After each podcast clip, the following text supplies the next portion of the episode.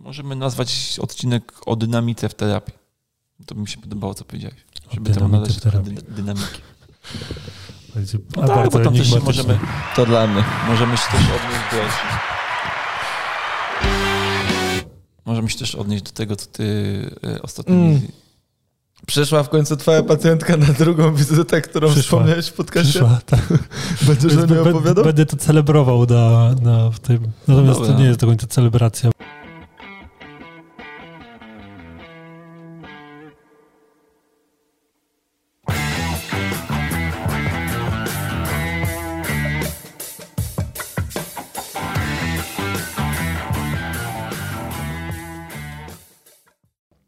Dzień dobry. Dzień, dobry. dobry. Witamy na Fizjopaszyn na podsłuchu. To już jest nasz 25 odcinek. 25. 25. Tak, taka ćwiara. Tak, ćwierćwiecze. bo Może mieć kryzys wieku młodego. Czy Wiecie, że kiedyś, jak byłem na studiach, e, co roku wyjeżdżałem na wakacje do Stanów, do pracy i jadąc pociągiem do Warszawy, żeby stamtąd polecieć do Nowego Jorku, wyczytałem w gazecie, że wycofują tego lata, kiedy mnie nie będzie, że wycofują ćwiartki. I W sensie... E, Małpeczki. małpeczki. małpeczki, Mhm. nie? bo kiedyś było 0,25, teraz jest 0,2. I zadzwoniłem do mamy i mówię, mamo, wycofują ćwiartki, weź kup mi kilka ćwiartek tam różnych i będę miał taką pamiątkę, nie? W sensie one kiedyś byłyby pewnie dużo warte. Albo mógłbym je przekazać do muzeum charytatywnie, wiesz, coś, mógłbym No tak, zrobić te, coś te, dla te innych. 50 ml mogło zrobić różnicę na przestrzeni Czasem czasu. 50 ml robi bardzo dużą różnicę. E, Nie wiem, nie piję. No. I, e, I wiecie co? I ona mi ich nie kupiła. O nie, Znaczy ja mam teorię, nie? Ja Mam pewne podejrzenia. Podejrzewam, Że je nie, no, że je kupiła i kupiła i nie docelowały do mojego powrotu ze Stanów po prostu, nie? Rozumiem. Natomiast no mogłem mieć taką pamiątkę, a nie mam. Dobrze, to Tyle. w takim razie, moi drodzy słuchacze, ten z zamiłowaniem do ćwiartek to Jakub Durczak, ten, który nie pije to Marcel Mieszkalski, a ja to jestem gdzieś po środku, nazywam się Dariusz Kowalski. Bo wiecie co, nie przedstawiłem nas ostatnio i myślicie, że powinienem z dwa razy przedstawić teraz? Tak. To potem jeszcze gdzieś w trakcie też to. Dobrze. Nie, nie, no, Dobra. generalnie sumarycznie w odcinkach wszystko powinno się zgadzać. No ja też tak myślę. Równowaga powinna zostać zachowana. No. E, przechodzimy do społeczności, nie przedłużając dłużej. Tego też dawno nie było.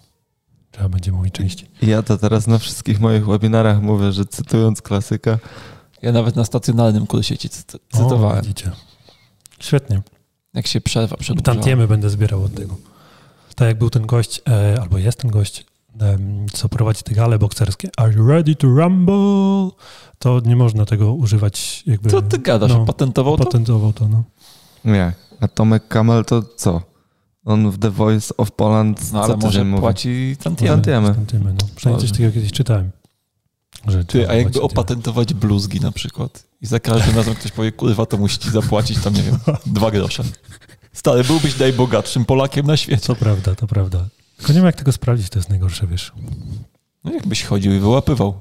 Dzisiejsza A, dwa technologia. Gdybyś stanął u nas pod żabką, to byś szybko nas zbierał.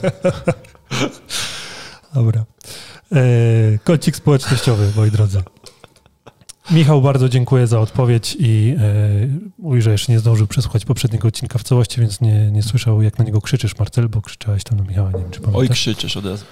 No tak, skrzyczałem Michała trochę, to prawda. e, Ale że ta, ta krótka odpowiedź naprawdę mu rozjaśniła sprawy i że udało się poprawić w terapii wzorzec oddechowy u tego chłopca i że będzie na kontroli w piątek i postara się coś napisać. I słuchajcie, piątek minął i nie mamy informacji, więc Michał, krzy, krzycz, krzycz na Michała znowu. Michał, krzyczę na ciebie. Krzyczę na ciebie i puszczam ci teraz taki dźwięk, który powinien cię Zmotywować. zmusić i zmotywować do tego, żebyś wysłał nam tą wiadomość. Tę. Tę. Myślałem, że go wybuczysz albo co. Nie. To był taki dźwięk, wiesz, grozy. No, ja Poza widzę, tym- jakby machał palcem przy tym. Michał, pamiętaj, że Wiedźmin w serialu Wiedźmin powiedział, że obietnic trzeba dotrzymywać. Mhm. Cała saga o Wiedźminie o tym jest właściwie. Tak. E, dobra, idziemy dalej. Marny kochanek na drugim końcu tęczy. Na YouTubie. No, Jezu. To już po raz drugi. To już po raz drugi. Natomiast napisał znowu dość enigmatyczne zdanie. Nigdy nie pozwól wiedzy, żeby przysłoniła ci prawdę. O, a to jest dobre, to mądre jest. To, to, to jest mądre, tylko że nie wiem jakby do czego to się odnosi, czy ogólnie gadamy same bzdury i to ogólnie, że jesteśmy tu przeintelektualizowani, czy to może jakiś konkretny temat chcieliśmy przeinte, prze, przeintelektualizować, czy o co chodzi. Natomiast no, dostaliśmy taki, taki komentarz. Następnym razem poprosimy jeszcze o timestamp, żebyśmy wiedzieli, do czego mamy się odnieść konkretnie. To byłoby super. Drogi tak. E, marny kochanku na drugim końcu tęczy. Tak? No, no myślę, że tak. I user ja chciał, żeby marny kochanek wytłumaczył, jakby w czym konkretnie jest marny. No to jakby intryguje. Skąd ta samokrytyka? Ja wiedzieć, na którym końcu tęczy. Czy ktoś powiedział mu kiedyś... Na drugim. Na drugim. No, rzeczywiście. Wiesz, czy ktoś kiedyś powiedział mu coś zaraz po, czy jakby skąd to się wzięło, nie? Takie przekonanie. Mhm. Może jest niesłuszne. Może, jest, Może wiedza przesłoniła mu prawdę. I nasz ulubiony user, czyli jaki user? 667? Tak, dokładnie tak. Cześć, świetny temat odcinka, Wasze przemyślenia i uwagi. Złoto, dzięki Darek za porównanie z różnymi mapami. Myślę, że naprawdę trafione. Tak, drążąc dalej te różne systemy diagnostyczno-terapeutyczne, to chciałbym Was zapytać o bardzo ostatnio popularną kinezjologię stosowaną, a szczególnie badanie toniczności mięśniowej. Czy ktoś z Was to stosował lub widział w życiu? Ciekawi mnie Wasze spojrzenie. Jeszcze pytanie do Kuby, to zaraz przeczytam. To na razie pierwsze pytanie. Okej. Okay. Czy co, co coś powiedzieć? Chyba mówiliśmy coś w którymś odcinku o kinezjologii, nie? Coś mówiliśmy, ale chyba bardzo zdawkowo. Zdawkowo. Dobrze, to ja na przykład skończyłem kurs e, w nurcie kinezjologii i mm, nie poszedłem tą drogą ze względu na to, że mnie ona po prostu nie poruszyła na tyle, ze względu przede wszystkim na to, że no musiałbym cały swój dotychczasowy warsztat bardzo mocno zmienić. No zmienić, nie? Cała diagnostyka musiałaby właściwie się spakować i, i wysłać na wakacje do Tajlandii, bo tam wszystko opiera się o testy toniczności i nie żebym mówił, że to jest coś złego, natomiast nie jest to coś, co mi odpowiada. Nie? Coś... Ale na podstawie, bo ja szczerze mówiąc słabo znam temat, więc na podstawie tych testów toniczności jesteś w stanie. Jeszcze może byśmy wyjaśnili, co to są testy toniczności, Marta.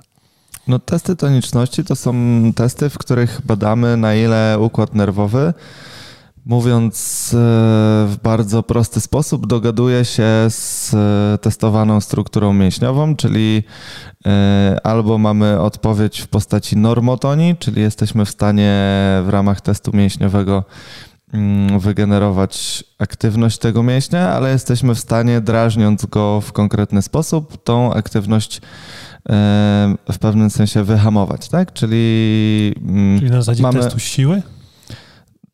W pewnym sensie tak, natomiast nie mierzysz siły, tylko reaktywność mięśnia, nie? Bo w teście siły, jak robisz test siły, to też nie mierzysz siły, tylko ewentualnie porównujesz jedną stronę i drugą, czy ich reaktywność jest taka sama, no bo nie masz dynamometru w ręce, nie? W tym sensie nie mhm, mierzysz mhm, siły, nie? Mhm, Więc miarą odpowiedź mięśnia w teście jest miarą jego reaktywności, a nie siły. Dlatego jeśli mięsień jest reaktywny, a po podrażnieniu tą reaktywność na moment traci, to mówimy w takiej sytuacji o normotonii. Natomiast jeśli nie jesteśmy w stanie wyhamować e, tego mięśnia specyficznym drażnieniem, no to będziemy mówić o tym, że jest w hipertonii taki mięsień, natomiast jeśli nie jesteśmy w stanie w ramach jego e, aktywności, mm, w ramach stymulacji jego aktywności tej reakcji otrzymać, no to mówimy, że mamy hipotonię, tak? Więc e, na bazie tego badania. Yy, pytałeś, czy co można określić?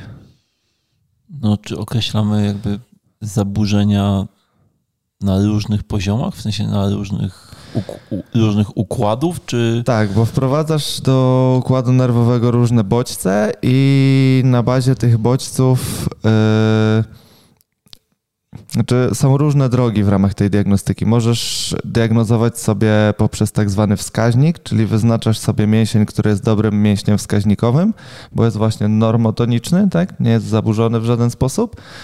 I ten twój wskaźnik, w zależności od tego, jaki system będziesz bodźcował, czyli na przykład, nie wiem, możesz bodźcować różne punkty meridianowe, możesz bodźcować punkty alarmowe, możesz bodźcować na przykład punkty yy, Chapmana, które też wykorzystuje się, więc tam tych systemów, które jesteś w stanie przetestować jest dużo i wykorzystujesz ten wskaźnik, żeby sobie ocenić, czy stymulacja w danym obszarze wpływa na reakcję na poziomie twojego wskaźnika. Okay, I on jest dla ciebie jest... wyznacznikiem tego, jak yy, układ nerwowy reaguje na... Tylko musisz wtedy założyć no. niejako, żeby, żeby się tym posługiwać, że ten bodziec, który wprowadzasz, powinien wywołać reakcję globalną. Mm, no, w pewnym sensie tak. Okej, okay, czyli bodźce, które tak. by nie wywoływały reakcji globalnej w tej koncepcji, to są bodźce, które w ogóle nie nadają się do terapii? Mm, no nie, bo to jakby wprowadzasz bodziec lokalnie. O to chodzi, że mhm, no ja jeśli rozumiem, stymulujesz punkt i oceniasz yy, w tym samym momencie jakby toniczność tego Jakiegoś wskaźnika, mięśnia? tak, to y, jakby na bazie tego wyciągasz informację, czy jakby ta zmiana, którą wprowadziłeś z punktu widzenia tej strefy, którą stymulujesz, wpływa jakoś na aktywność układu okay, nerwowego. Ale czy masz do konkretnych mięśni konkretnie przypisane strefy? Nie, z tego co rozumiem, tylko masz różne no, strefy. Jeśli, jeśli postępujesz w ten sposób, że yy, badasz poprzez wskaźnik, to nie, no to ten mięsień wskaźnikowy jest dla ciebie wskaźnikiem. Tam są pewnie jakieś, yy, ja już to było tak dawno temu, że nie, nie do końca w temacie siedzę, natomiast są pewnie jakieś wytyczne co do tego, że jeśli badasz, nie wiem, struktury e, w jakimś tam kwadrancie ciała, to wykorzystujesz raczej struktury z tego kwadrantu okay. i być może. Nie wiem, no pewnie znajdą się tacy, którzy teraz mm, mieliby dużo więcej na ten temat do powiedzenia niż ja, więc ja nie będę tutaj w, bawił no, no, no, w specjalistę, bo, bo nim nie jestem. Natomiast e, kwestia samego nurtu diagnostycznego nie jest po prostu dla mnie, nie? bo mm, mnie, szczerze mówiąc, też nie do końca e, przekonywało w tej diagnostyce to, że mm, no, gubiłem się często po drodze w ramach tej diagnostyki, nie? bo tam masz bardzo długą drogę, w ramach której starasz się określić, która dysfunkcja finalnie jest w pewnym sensie tą priorytetową, czyli co jest początkiem, który wpływa ci na zmianę aktywności Twojego układu nerwowego. I e, no, jakby ta droga ustalania priorytetu no zawsze prowadziła mnie do tego, że znaczy zawsze prowadziła mnie do tego. Miałem problem z tym, kiedy powinienem już zacząć korygować te dysfunkcje, które znajduję, a kiedy jeszcze mogłem sprawdzić, czy to, co znalazłem, jestem w stanie jeszcze z czymś tam pomieszać i wyciągnąć z tego wniosek, że nie, że jednak ta dysfunkcja to jeszcze wynika z czegoś innego. Dla przykładu, nie wiem, znalazłem, że blizna jest skorelowana z zaburzeniami toniczności w jakiejś strefie, czy w obrębie jakichś struktur mięśniowych, to czy powinienem tą bliznę poddać jakiejś tam stymulacji, żeby tą toniczność poprawić, czy może jeszcze powinienem tą bliznę ocenić w odniesieniu do czegoś i by się okazało, że coś przed wpłynęło na bliznę, a blizna dopiero wpłynęła na coś. Dla, dla mnie ta mentalna masturbacja prowadziła po prostu zbyt daleko. Rozumiem. Ale może to wynikało z tego, że ja mam taki analizatorski typ i jakby myślenia o różnych rzeczach i bez diagnostyki kinezjologicznej też lubię sobie taką mentalną masturbację w gabinecie zrobić. E, aczkolwiek e, no, na tych zasadach, których używam do tej pory, jest mi z tym łatwiej niż w ramach testów toniczności. Po prostu Podsumowując, Marcel woli swoją masturbację niż czyjąś. Mentalną. Tak. Żeby była jasność. no nie wiem, ja mam, jeśli chodzi o kinezjologię stosowaną, to z kim nie rozmawiałem na ten temat, kto skończył ten kurs, to nie, nie byłem w stanie się przekonać do tego, do tej koncepcji. Natomiast nigdy nie wchodziłem w jakieś super szczegóły, tak naprawdę. Więc nie będę się wypowiadał. Ja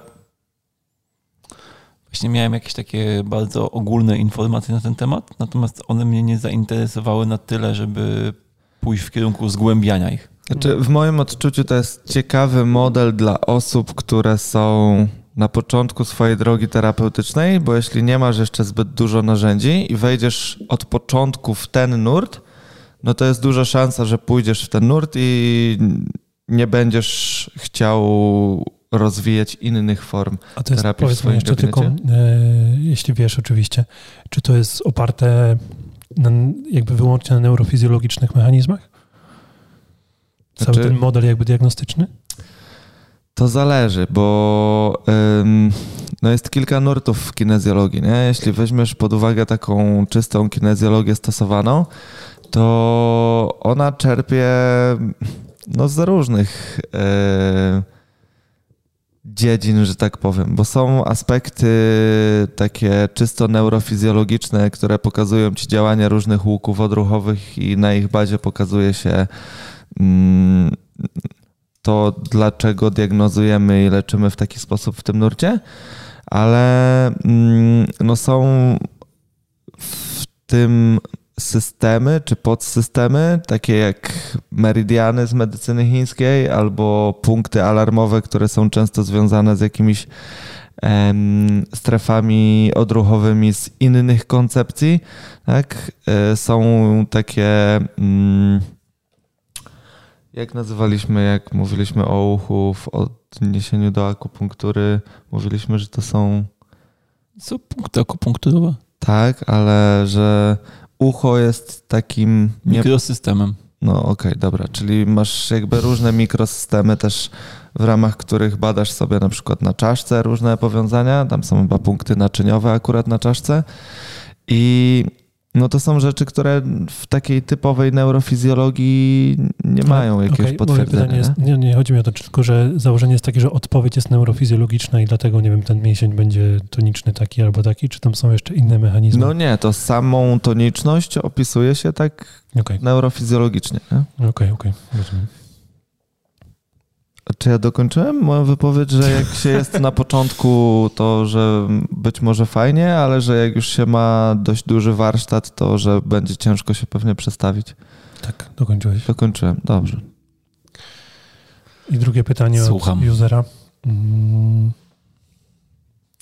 Jeszcze pytanie do Kuby, bo nie wiem, czy dobrze usłyszałem. Yoga Nidra na pracę ze stresem. Czy mógłbyś podać jakieś sprawdzone źródła lub nagrane medytacje? Mm, Nie. Nie, w tym sensie żartuję. W tym sensie, że yoga nidra, tak jak ja ją rozumiem i tak jak ja sobie tego odsłuchiwałem i patrzyłem, to jest to Co to jest forma... Yoga Nidra? Yoga nidra y, to są ćwiczenia oddechowe, czy może bardziej, bo to nie tylko oddechowe, relaksacyjne. Y, mm, I ja bym powiedział, że jest to forma treningu autogennego, tak jak masz treningi Schulza czy Jakobsona. I jak wpiszesz na YouTubie, drogi userze, y, yoga nidra, to tak jak z każdym innym treningiem autogennym, moim zdaniem trzeba znaleźć filmiki czy nagrania, które po pierwsze mają podkład muzyczny, który cię nie drażni, po drugie mówi ktoś, czyj głos cię nie drażni. Nie, no, Darek się uśmiecha, ale to jest jakby moim zdaniem mega istotne, to nie? jest mega istotne. No bo ja jeżeli się ktoś- bardziej ze swojego doświadczenia No, niż, niż... ktoś mówi głosem, którego jakby, wiesz, jakby dla mnie na przykład jak ktoś mówi takim głosem, że mm, mam wrażenie, że jest bardzo uduchowionym tybetańskim mnichem, który jakby uważa, że im dłużej wypowiada każde słowo, tym bardziej ty się zrelaksujesz, no to na przykład ja się wtedy nie relaksuję tak do końca, E, nie? Mi się teraz przypomniało, jak mieliśmy na studiach właśnie którąś z tych treningów autogennych, nie pamiętam który, na sali, na sali gimnastycznej leżeliśmy wszyscy na ziemi na materacach. Hmm, Też I- pamiętam tam sytuację, przyszedłem nabombiony wtedy na zajęcia. w sensie tam Świetnie, po piwku, rozumiem. po piwku. No to nie, ja byłem całkiem trzeźwy, e, ale byłem strasznie zmęczony I jeszcze e, pani, która to prowadziła, miała właśnie taki sposób mówienia, o którym ty mówisz, Kuba. To chyba to I sama, z którą ja miałem zajęcie. Potem e, jakby ja, ja odpłynąłem, nie? Ja odpłynąłem, po prostu zasnąłem i, i obudziłem się własnym chrapnięciem, co mi się zdarza. Ale co ciekawe, to nie byłem tylko ja, tylko pół sali leżało i chrapało wtedy. O. To były typowe zajęcia. Tak. Także No, ale- myślę, że tu jakby do tej jogi nie, nie ma nic jakby magicznego. Nie? Jest to kolejna forma wprowadzania się w, w stan głębokiej relaksacji. Robisz to. Cokolwiek to jakby- znaczy. Cokolwiek to znaczy dla ciebie. Nie? Natomiast no, jakby ja ze swojego doświadczenia uważam, że są to fajne rzeczy. Ja lubię sobie to czasem zrobić. Em, Znaczy, ja mam Teoria takie... też jest taka, że robienie regularnie treningów autogennych y, jakby podnosi próg mm, pobudliwości w sensie tym, że osoby, które regularnie ćwiczą y, tego typu relaksacje, wiecie, jakby ciężko jest, przepraszam, zrobić badania na ten temat, nie? Natomiast e, no, można powiedzieć, że możemy podejrzewać, czy możemy zaobserwować, że osoby, które regularnie robią tego typu relaksacje, z czasem wypracowują sobie jakby większą odporność na stres, w tym sensie, że po, odporność w tym sensie, że jest potrzebny silniejszy bodziec stresowy, żeby wywołać reakcję. Czyli robią się bardziej odporne na małe stresy dnia codziennego. Ja mam generalnie takie przemyślenie, że... Natomiast pytanie jeszcze, co to znaczy regularnie i pytanie, co to znaczy, e, jaki to jest okres czasu, który pozwala ci osiągnąć ten efekt, nie?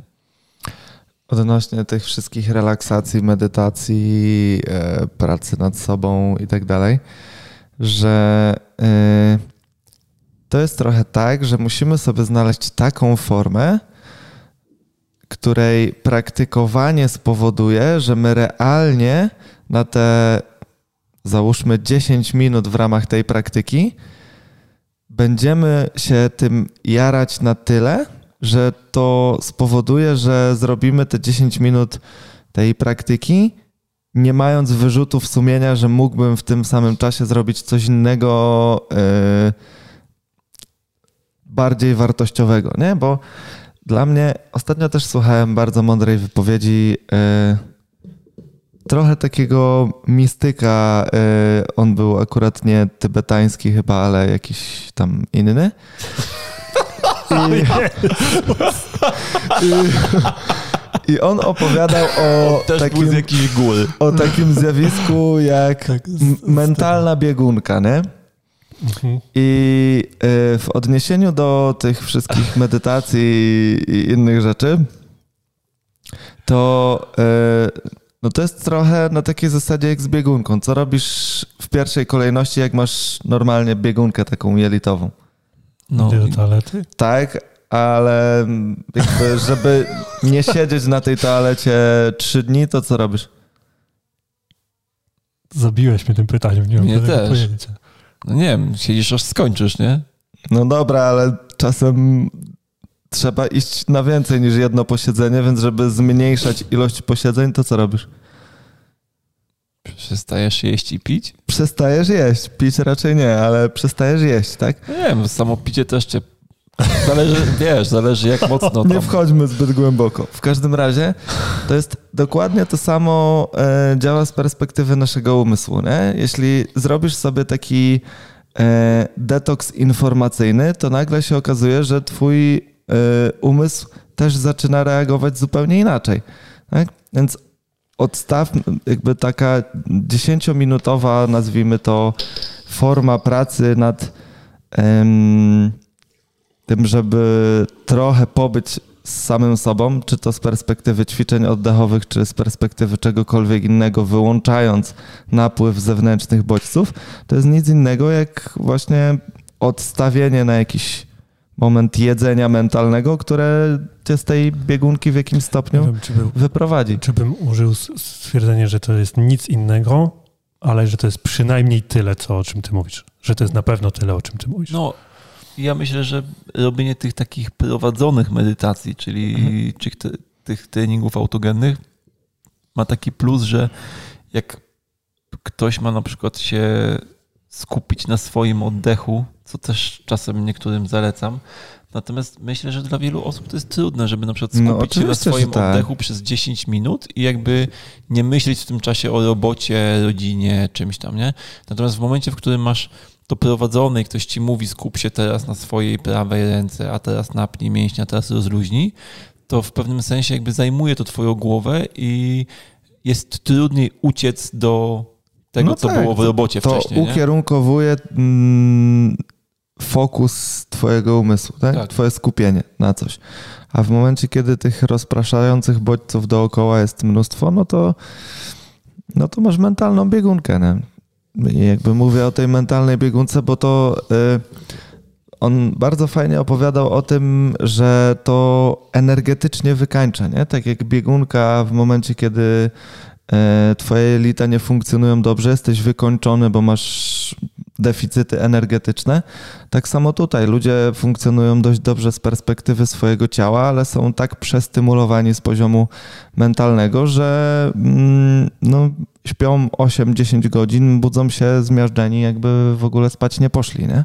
Więc regeneracji nie ma, bo umysł jest cały czas stymulowany jakimiś bodźcami. No, nawet nie I takich tylko ludzi jest coraz więcej, nie? Stricte, co jest stymulowane po prostu informacjami, a do czego nie jesteśmy przyzwyczajeni, nie? Dlatego jestem na diecie niskoinformacyjnej. Tak. Od dłuższego czasu. Nie oglądam wiadomości.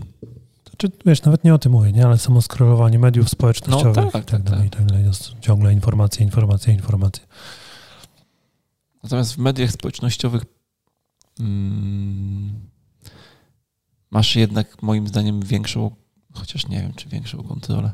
Nie. media społecznościowe trochę mm, się ustawiają pod ciebie, nie? A ja Pytanie, przykład, czy to dobrze? No, pytanie, czy to dobrze. Dobra, mniejsza z tym. Em, dobra. Słuchajcie, podsumowując ten kącik społecznościowy, jakże krótki tym razem.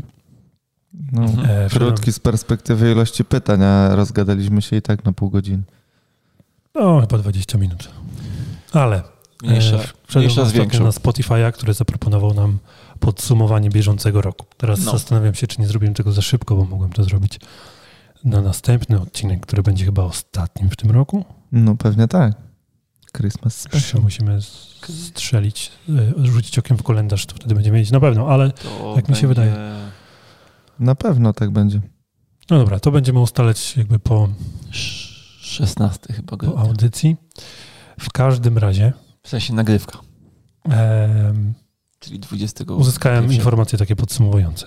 I nagraliśmy w tym roku 1399 minut naszych rozmów. To Sporo. Sporo. Spotify sugeruje, nie zapomnij o pastylkach na gardło. Taki żartownik z tego Spotify'a. E, ale wiesz, że nagralibyśmy więcej, gdyby nie twoje ósemki. Tak, to prawda. I gdyby nie nasze wakacje, też Kajasz się? więcej. Trochę się kajam, no, no ale to zrobię. Mm, Dobra. Dobra, to w przyszłym roku żadnych zabiegów chirurgicznych i żadnych, Żadnych wakacji. Dobrze. Tak, także no, 1400 minut całkiem sporo uważam. W 17 odcinkach do tej pory ten będzie 18. Czyli A 19. Świeci już zdjęli? Tak, tak, szwy już zdjęli. Ja dzisiaj jedę na zdjęcie szwów. Ja też sobie niedługo coś wytnę chyba. A gdzie ty miałeś szwy?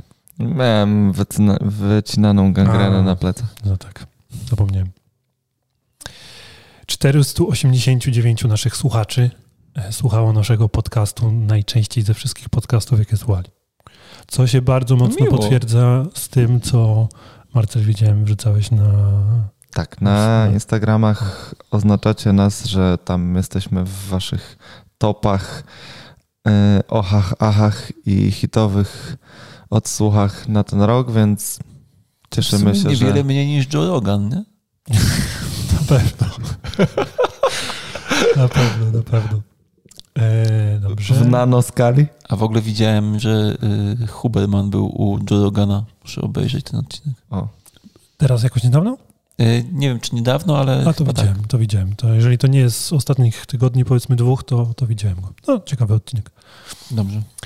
E, 40% naszych słuchaczy słucha naszego podcastu między godziną 11 a 17. I to mnie akurat zastanawia. W pracy słuchają. Leniuszki. Naprawdę. Jak słuchacie w pracy tego podcastu, to dajcie znać, jak pacjenci się przy tym bawią. Bo my się tam chyba często tak Pati, wypowiadamy to- o pacjentach Ja. Jak? Z szacunkiem z ogromnym. szacunkiem. Dobrze. E, Patty mi e, mówiła właśnie, że tak, Patty, G, że próbuje nas słuchać przy pacjentach, ale że pacjenci bardzo różnie na to reagują. No bo wiecie, tam sobie gadamy różne dziwne farmazony i jak ktoś nie jest zupełnie w temacie, to to, to jednak jest gdzieś obok. Nie? Mija go to. Mm, na pewno.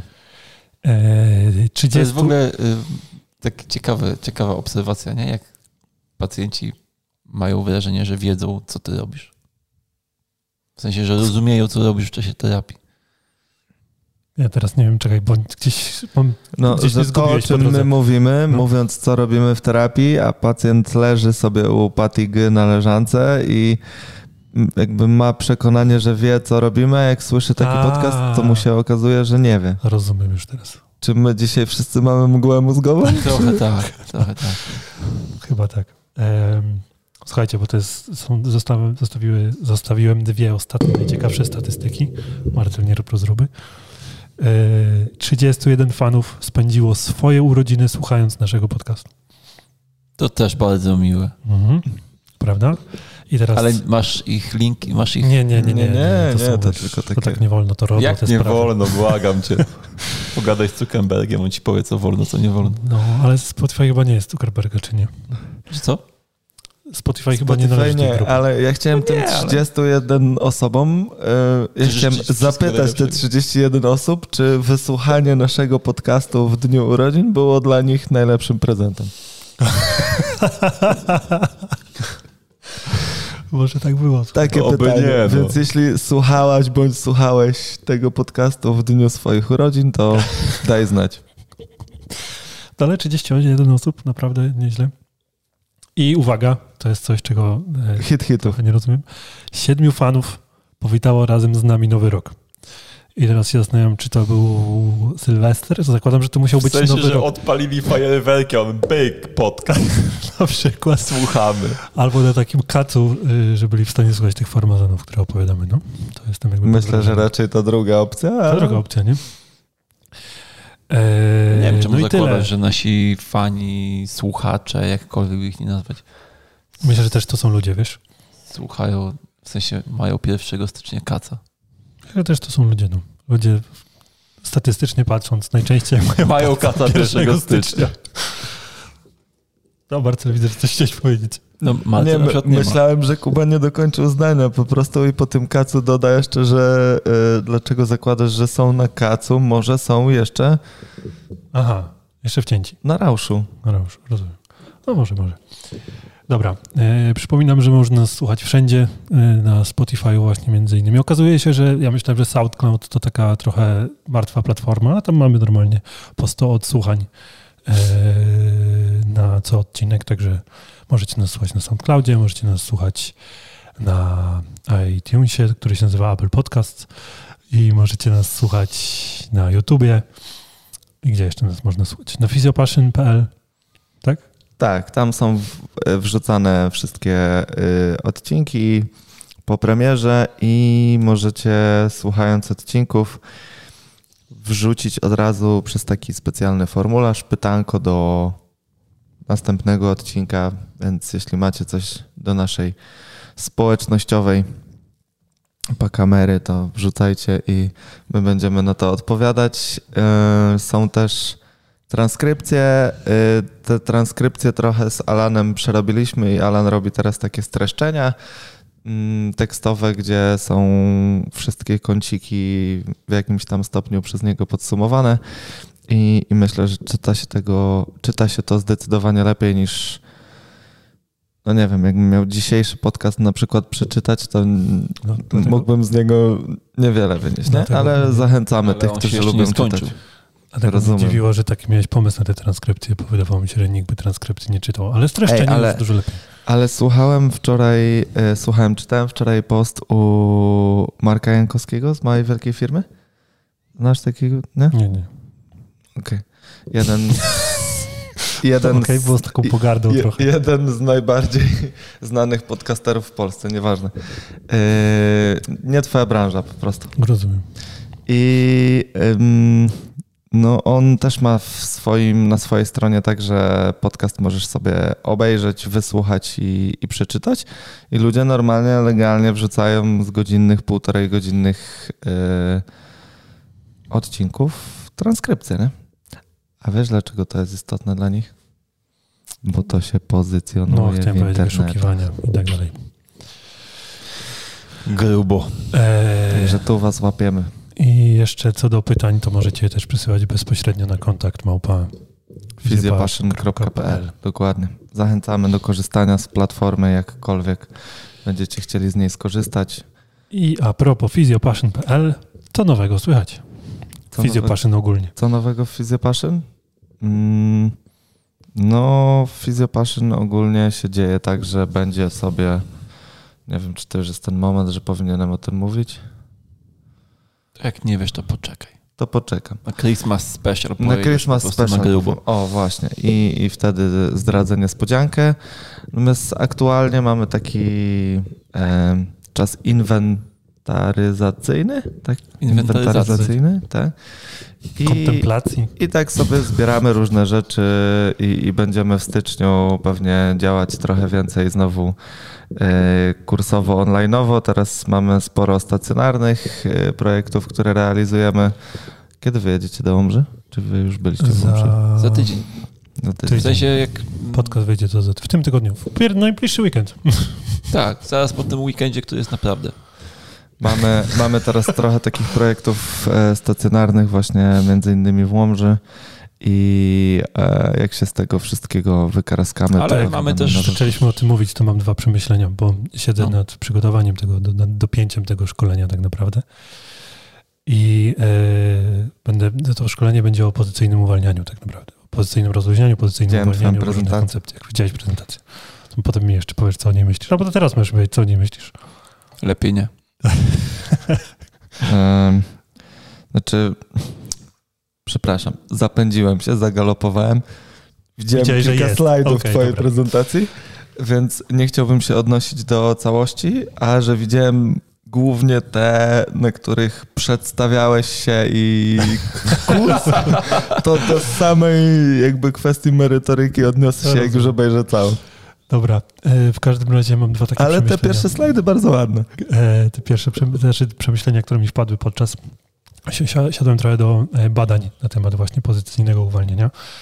I słuchajcie, to, to tak leżą te badania, że to się po prostu w głowie nie mieści. Ja jakby zawsze co jest, próbuję sprawdzić, jak dobrze mamy ugruntowane to, jak działa dana technika. Okazuje się, że w ogóle nie mamy tego ugruntowanego. I dokładnie tak samo jest z tym pozycyjnym uwalnianiem. Są, e, jeżeli są badania, to są badania zrobione na 10 osobach albo 15, które mają jakiś tam ten, powiedzmy, sens albo przynoszą niby skutek. Natomiast e, bardzo często nie ma grup porównawczych, a jak już jest grupa porównawcza, to sam ten protokół, który był do tego dobrany, jest kompletnie bezsensowny. E, a jak już mamy zrobioną metaanalizę, która zakłada, że weźmie na przykład, nie wiem, 100 badań, to e, z uwagi właśnie na jakość badań musi wykluczyć 94. Nie? Więc jeżeli chodzi o badanie, jeżeli generalnie, jeżeli chodzi o naszą fizjoterapię i, czy osteopatię, to strasznie się nie wpisujemy w ten model po prostu. Bardzo ciężko, ciężko jest zaprojektować dobre badania, szczególnie nie mając funduszy. Nie? Bardzo ciężko, to jest jedno przemyślenie. A drugie przemyślenie to e, ja zawsze się... Ale stary, kto ma zasponsorować badania, Nikt, nikt. do których, Z których się nie da z zarobić. których nie, w których nie masz produktu sprzedażowego, nie? No dokładnie. Ja, ja rozumiem, jak to działa. Nie? I Ja to, to- i tak jest najlepszy model, jeżeli chodzi o badania, na które wpadliśmy, więc nie ma na razie czego zmieniać jakoś specjalnie. Ja to spuentuję znanym nam już dzisiaj zdaniem. Nie pozwólmy, żeby wiedza przysłoniła nam prawdę. Okej. To jest tak, jak ja pojechałem kiedyś y, na taką konferencję Świadoma Mama i tam opowiadałem trochę o... W sensie no, wypowiadałem się na temat terapii osteopatycznej u kobiet w ciąży, po ciąży, u, u noworodków, dzieci tam małych, no bo taka tam była jakby grupa słuchaczy. E, I między tymi moimi wystąpieniami poznałem tam parę osób, między innymi taką panią położną, która miała różne produkty tam dla, dla. Ona głównie sprzedawała takie produkty dla kobiet zaraz po porodzie. Mniejsza z tym, co to były za produkty, jakby ja uważam, że całkiem spoko, natomiast jakby marketing był do tego mocno nadmuchany. Jakby tak się zastanowić dogłębnie mm, nad tym, na ile to ma faktycznie sens, a na ile to jest marketing, marketingowe, to marketingowej części było tam dużo. Natomiast jak z nią rozmawiałem na temat właśnie jakby terapii kobiet w ciąży, po ciąży, dzieci i tak dalej, to ona w którymś momencie mówi tak, no dobra, ale z takim podejściem jak ty masz, to co ty możesz sprzedać?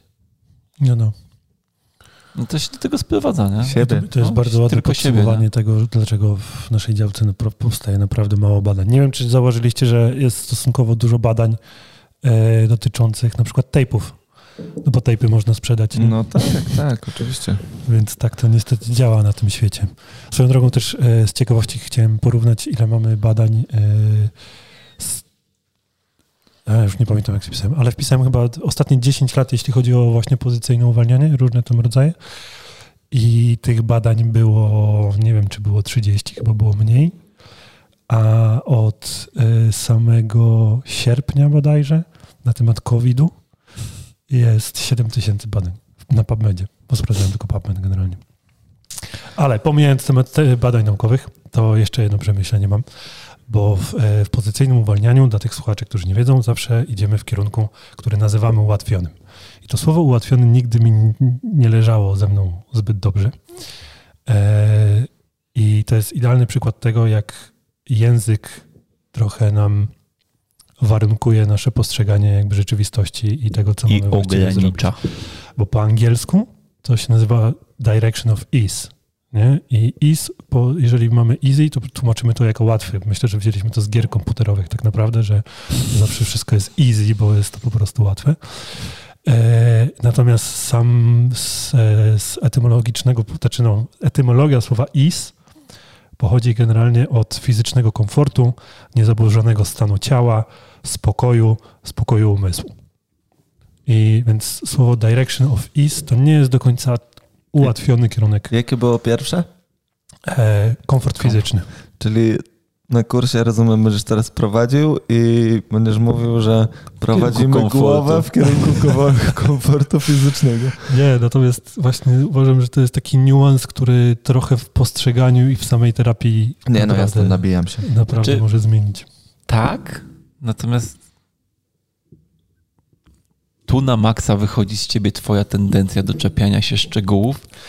Myślę, że właśnie dlatego Max kiedyś powiedział, że to jest mój kolega Dariusz, który zadaje dziwne pytania.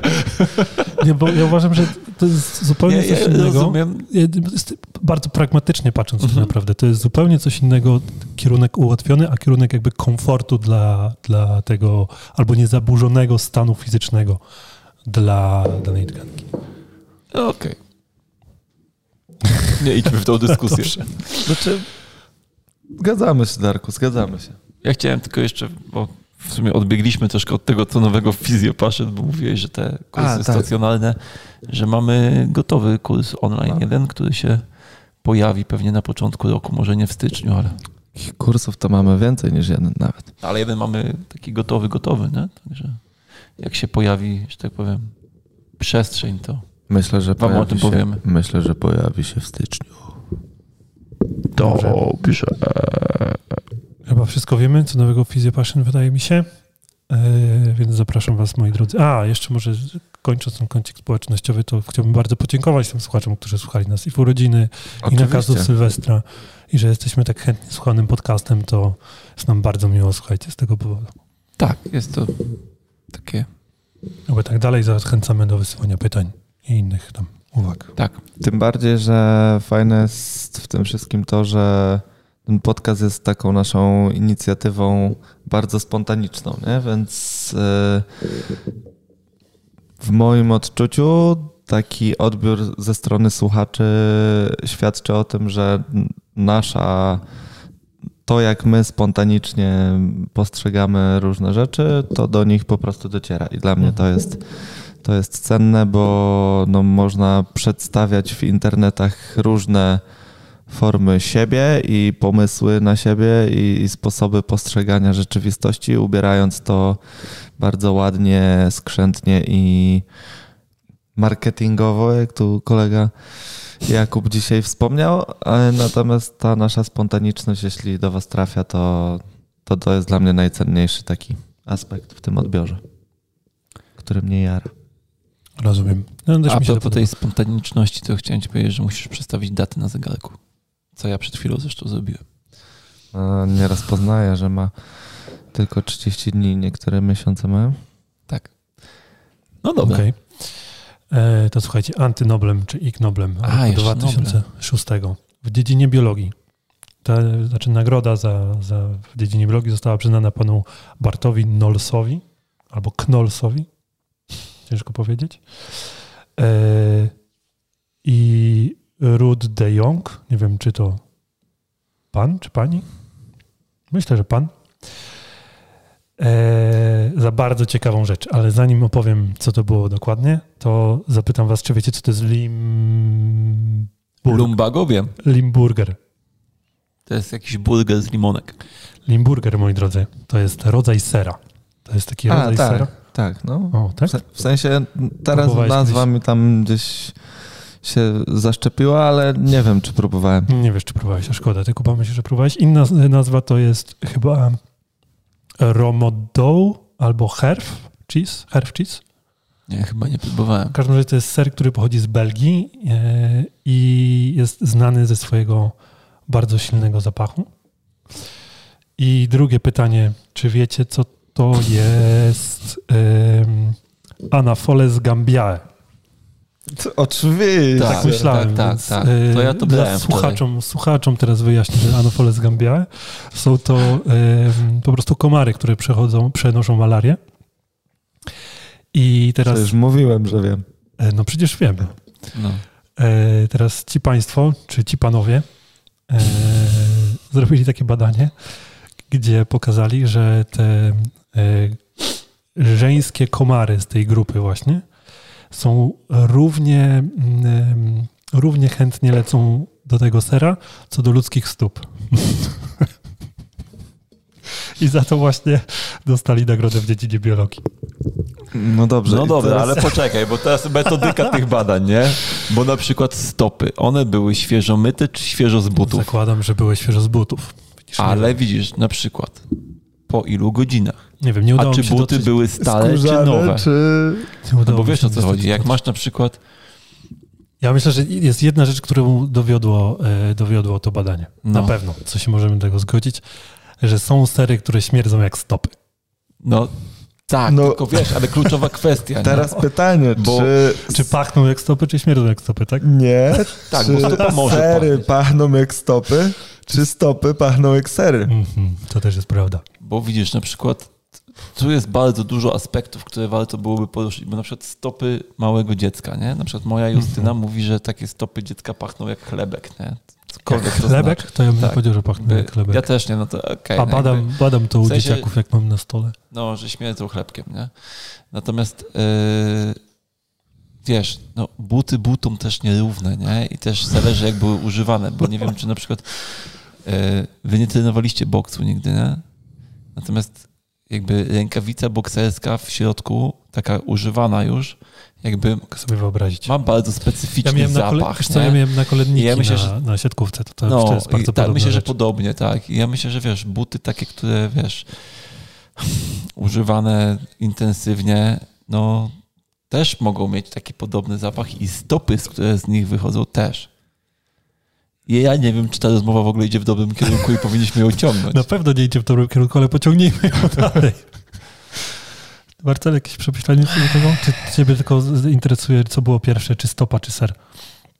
Czy to mnie interesuje, to, to nie ulega wątpliwościom, yy, ale nie ulega też wątpliwościom, że ja bardzo lubię śmierdzące sery i teraz pytanie, czy... Jezu, ja się bałem, że Powinienem- stopy. No właśnie teraz pytanie, czy powinienem e, jakby wyciągnąć z tego tak liniowy mówię. wniosek, że czas eksplorować ludzkie stopy. Czy lub jak chcesz, ja zostanę przy serach, natomiast faktycznie, słuchajcie, ja czasem lubię sobie kupić jakiś taki ser, taki, taki bardziej hardkorowy, w sensie Natomiast już nieraz się zdarzało, A ja Natalka nie, nie że... lubię, jak ja kupuję te sery. No, już nieraz się zdarzało, że Justyna mówi tak, Jezu, to tak wali w tej lodówce, coś nam zdechło w lodówce, po czym okazuje się, że ja sobie sery kupiłem, nie? No, to prawda. Ale kobiety są bardziej wyczulone na zapachy, przynajmniej u mnie w domu tak jest, u ciebie z No tego nie, co no, wiem mnie też na tak jest. maksa. Więc Zgadzam się. skoro u ciebie Natalka narzeka, to zakładam, że też tak jest. Także panowie, śmierdzące sery tylko, Na męskich wyjściach. tylko na męskich wyjściach i, i poza domem. ze stopy tym bardziej. Tak. To już na wyjazdach. To wyjściach. Na wyjazdach, dokładnie. Dobra, kończymy tę nierówną walkę w tym kąciku. Zdecydowanie tak.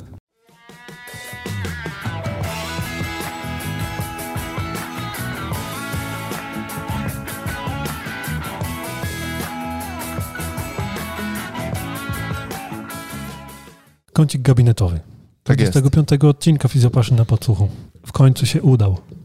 W tym sensie, że e, wspomniałem o jakimś pacjencie, a słuchajcie, przyszedł jednak ten pacjent.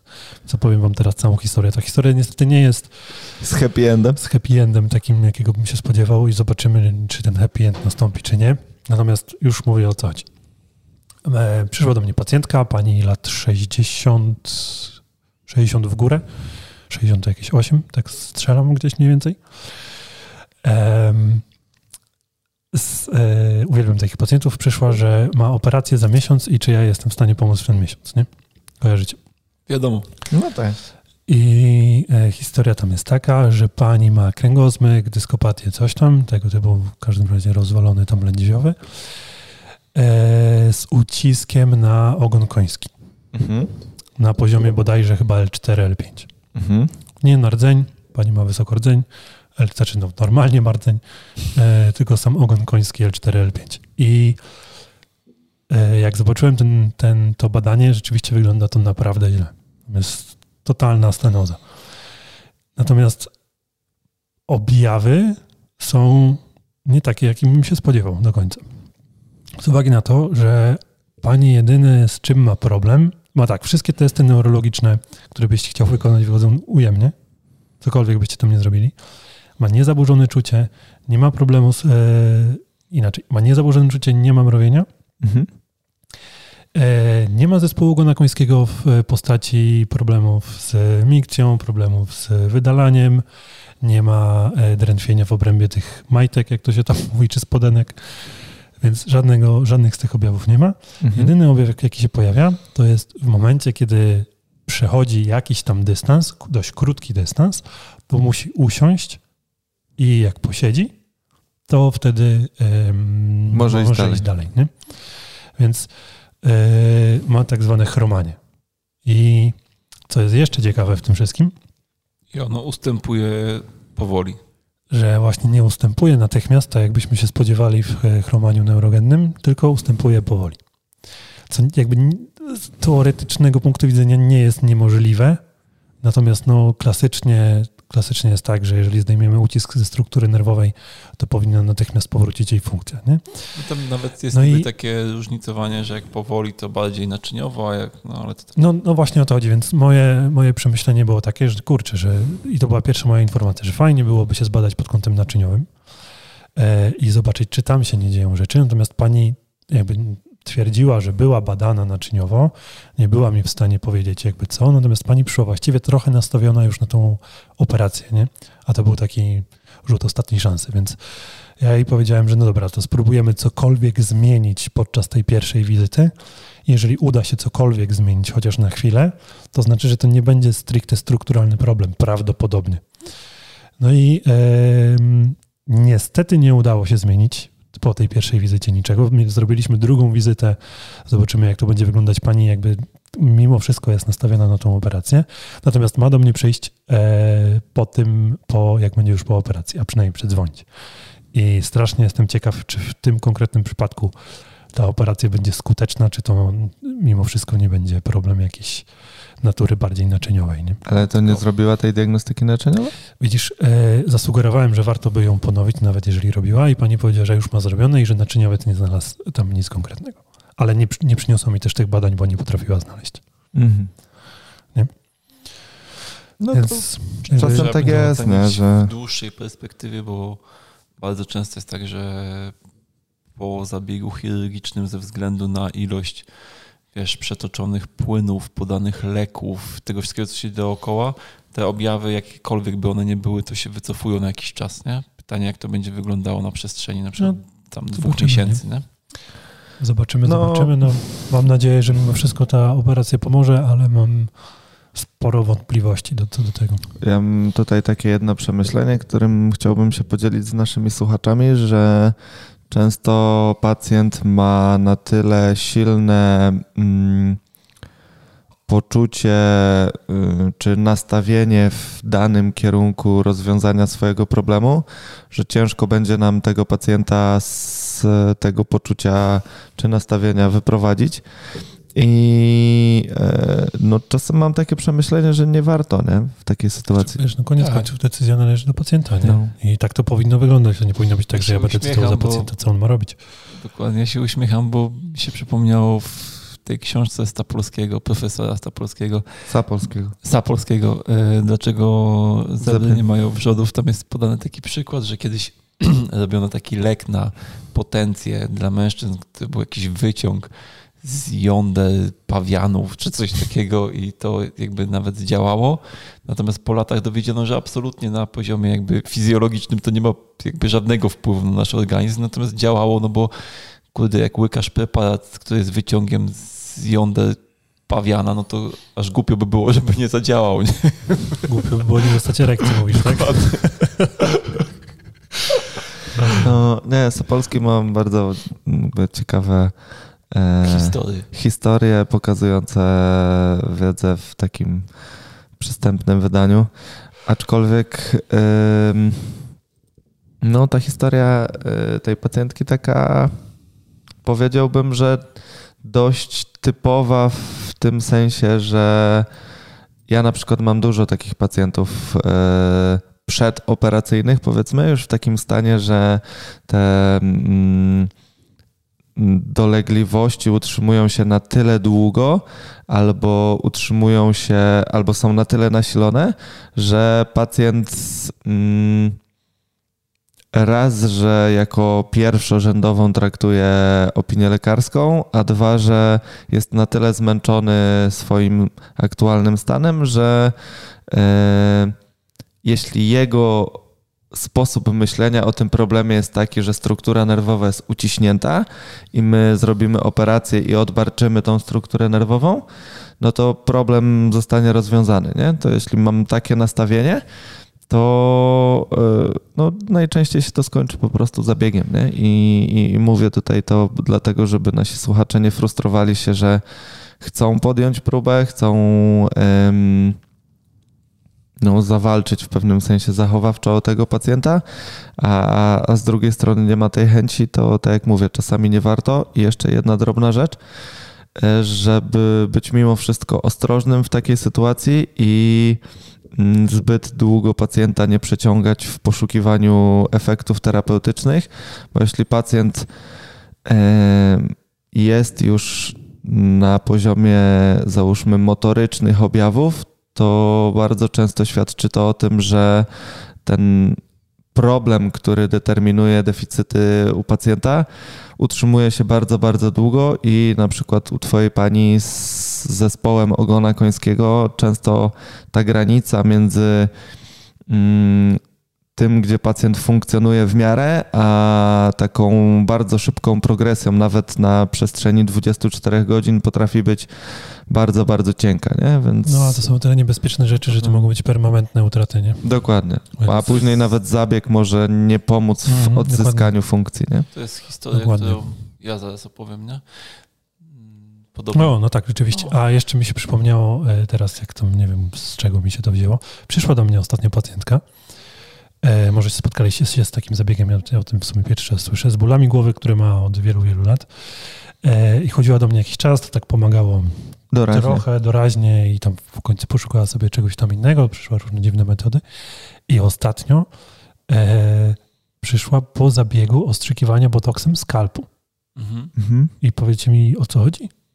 Nie. No jest taka teoria, że to pomoże. No, ale właśnie ja nie jestem, nie jestem w stanie zrozumieć, jaka musiałaby być to teoria, żeby ostrzykiwanie botoksem skalp miało pomóc na ból głowy. Taki migrenowy powiedzmy, bo to ta pacjentka jest migrenowa pacjentka. No takim, że jest takie wyobrażenie, że masz jakby napięciowy ból głowy i że jak Ale ostrzykniesz... to, no, jakby mm, przynajmniej z tego, co mi pacjentka referowała, to jakby zamiarem nie jest ostrzykiwanie żadnych mięśni w tym momencie, tylko skalpu i porażenie nerwów czuciowych. Jakby nie, ale bez zaburzenia czucia, jakby, jakby muszę to zgłębić. Myślałem, że może coś więcej mi powiecie na ten temat. Nie mam pojęcia, nie znam Nie, tematu. ja myślę, że to jest jakby teoria taka sama jak każda inna, w sensie z tego nurtu takich teorii, że no, boli głowa, no to głowę ostrzykniemy yy, botoksem, żeby się nie napinała, tak w skrócie. Okej, to jakby muszę to zgłębić, bo nie wierzę, że to może być taka teoria. No, ja wierzę. Okej. Natomiast ja jeszcze chciałem tylko wrócić na chwilę do tych pacjentów yy, przedoperacyjnych i tego, czy ich tam próbować odwieść od operacji i tak dalej. Ja jestem jakby daleki od tego, żeby kogoś namawiać do czegoś albo odwodzić na siłę. Jakby zwykle staram się przedstawić swoją po prostu opinię i jakby powiedzieć, jak ja widzę dany problem i jak I Tam- argumentować. i argumentować, dlaczego ja to widzę tak, a nie inaczej. Natomiast jestem daleki od przekonywania kogoś, bo też trzeba pamiętać, że to, co lekarz mówi pacjentowi, e, jest dużo prostsze i dużo takie łatwiejsze w odbiorze, no bo jeżeli my spróbujemy wytłumaczyć pacjentowi, że są pewne mechanizmy i e, pewne reakcje organizmu i my teraz będziemy próbowali stymulować te reakcje albo wpływać na te mechanizmy. I musimy jakby na przestrzeni jakiegoś czasu zaobserwować, jak ta nasza terapia wpływa na organizm i co się dzieje. I na podstawie tego, co się dzieje, możemy wyciągać dopiero kolejne wnioski i tak dalej, no to to jest po pierwsze jakiś dłuższy proces, który nie jest do końca zrozumiały dla pacjenta, Nie jest zdefiniowany nie jest zdefiniowany, od A do Z. a, a, a lekarz daje jakby, wiesz, jakby gotowy przepis. No, no. Proszę pani, jest jakby taki i taki problem, który tu widzimy na zdjęciu rentgenowskim na przykład i teraz ja to przesunę tutaj i przykręcę do tego, więc to Zniknie? zniknie. I to jest jakby logiczne, proste i trudno jakby uwierzyć, że wręcz trudno uwierzyć, że to mogłoby nie zadziałać. To się dopiero No. może okazać potem, że to nie zadziałało, nie? Natomiast jakby no nie wiem, czy musimy z tym na siłę walczyć, nie? Ja tylko jakby, ja po prostu staram się zawsze powiedzieć, jak ja to widzę, staram się powiedzieć jakby czemu na przykład jakby ja bym, gdyby chodziło o mnie, to to jest tak samo jak z różnymi, jak, jak ludzie pytają o postępowanie względem dzieci, bo na przykład ortopeda powiedział coś, a ja mówię coś innego. I ja jakby, jak padają dodatkowe pytania, y, nie wiem, no to ja po prostu mówię, że gdyby chodziło o moje dziecko, to ja bym zrobił tak i tak. No, no. I tyle, nie? No Jakby no, niewiele więcej czasem można powiedzieć. No nie, no decyzja jest zawsze po stronie pacjenta i, e, i trzeba się z tym pogodzić czasem, nie? Że, że może to być decyzja ym, niezgodna z... e, Poza tym chciałem jeszcze powiedzieć, że lekarz ma łatwiej troszkę w tym sensie, że jeżeli zrobi operację i nie ma efektu, to można powiedzieć, no wie pan, jakby zrobiliśmy wszystko, co się dało, no ale widocznie tak już było za późno, nie? Natomiast jak ty powiesz pacjentowi, że proszę jakby nie robić yy, zabiegu, będziemy działać zachowawczo, ale w wyniku tego działania zachowawczego nie będzie poprawy, nie będzie efektu, e, to potem on może jeszcze usłyszeć od lekarza, że wie pan, jakbyśmy zrobili to wtedy, kiedy ja mówiłem, to było ok.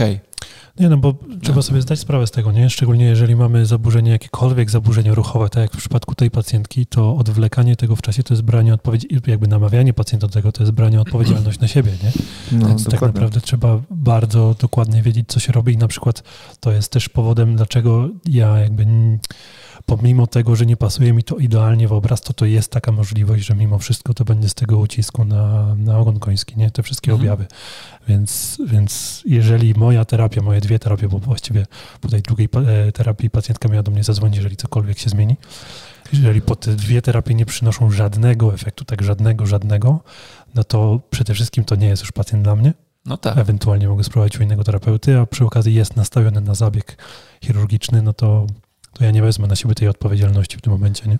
Poza tym, wiesz, jakby pamiętajmy o tym, bo to już raz dzisiaj powiedziałem, że e, nie możemy też postrzegać zabiegu chirurgicznego jakby czysto, jakby przez lupę tego zabiegu, przez lupę tego, co zostało zrobione, no tylko trzeba zobaczyć jakby na cały aspekt ten, o którym mówiłeś, emocjonalny, że pacjent jakby ma pewne oczekiwania, które bardzo silnie mogą wpływać na jego percepcję problemu, na jego percepcję bólu potem również, jak również jakby no, nie możemy postrzegać zabiegu chirurgicznego z punktu widzenia mechanicznego, że coś tam zostało przesunięte czy odbarczone, tylko trzeba pomyśleć o tym wszystkim, co się dzieje dookoła, nie? Czyli nie tylko o tym kwestiach jakby emocjonalnych związanych z zabiegiem, ale o tych kwestiach też chemicznych, o tym, że pacjent będzie na kroplówkach, że będzie na sterydach, że będzie na antybiotykach, że będzie miał masę rzeczy chemicznie z nim się wydarzy i my nie wiemy, jaki jest potem po angielsku outcome tego bo może być jakby... Outcome jesteśmy w stanie za, za, zaobserwować, ale... Dopiero, ale tak, ale to dopiero,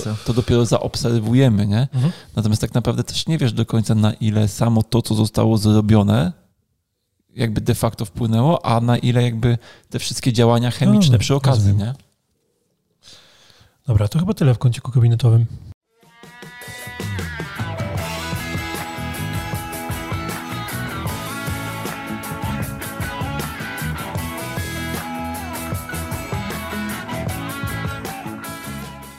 Kącik główny w tym odcinku, moi drodzy, będzie kącikiem o tyle nietypowym, że będzie bardzo rozwiniętym kącikiem gabinetowym.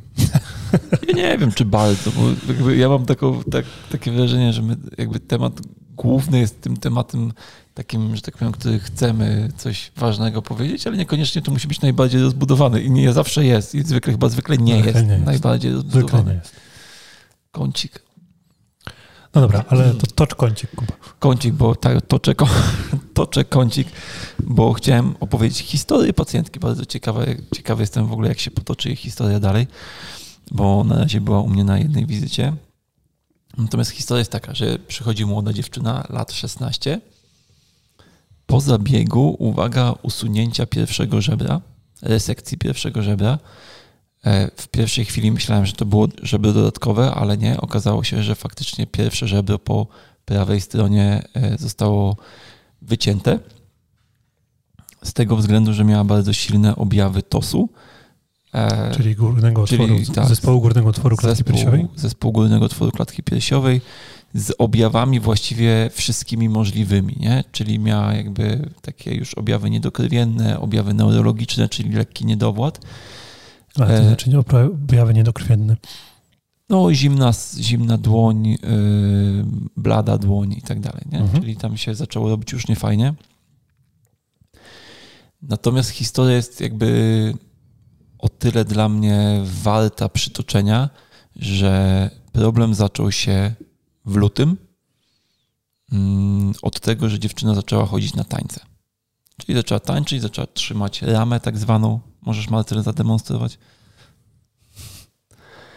I Chodziłeś na tańce, czy to twoja improwizowana rama? Twoja, Widzę, tak że bardzo, bardzo improwizowana.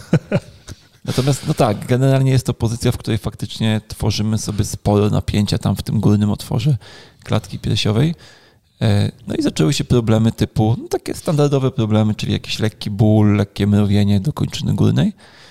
Mm, no i ona pracowała z fizjoterapeutką.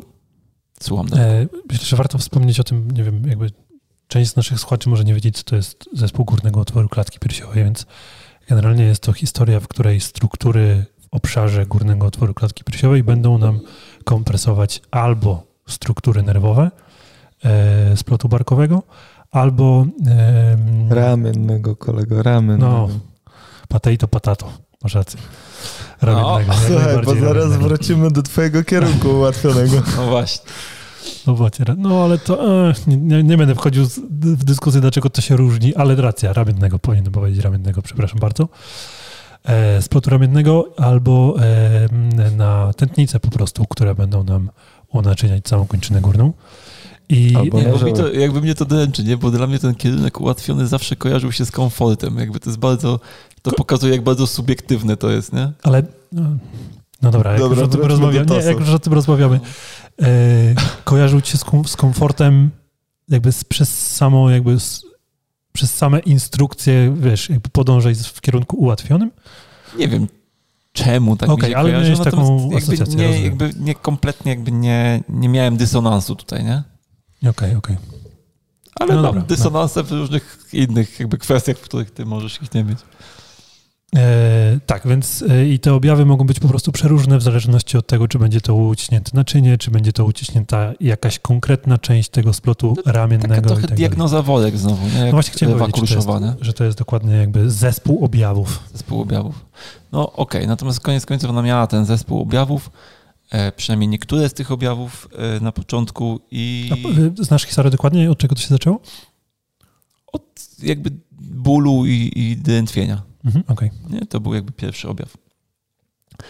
No i pracowała z fizjoterapeutką od lutego do czerwca, średnio raz w tygodniu. Potem przyszły wakacje, więc dziewczyna nie chodziła na tańce, więc też miała jakieś tam, wiadomo, wyjazdy, więc tej fizjoterapii też nie było. Ale też nie było objawów w wakacje, wtedy, kiedy nie tańczyła. We wrześniu wróciła na tańce i bardzo szybko objawy powróciły i wróciły dużo mocniej. Właśnie pojawiły się te objawy neurologiczne, objawy jakby niedokrwienne, e, wylądowała w szpitalu.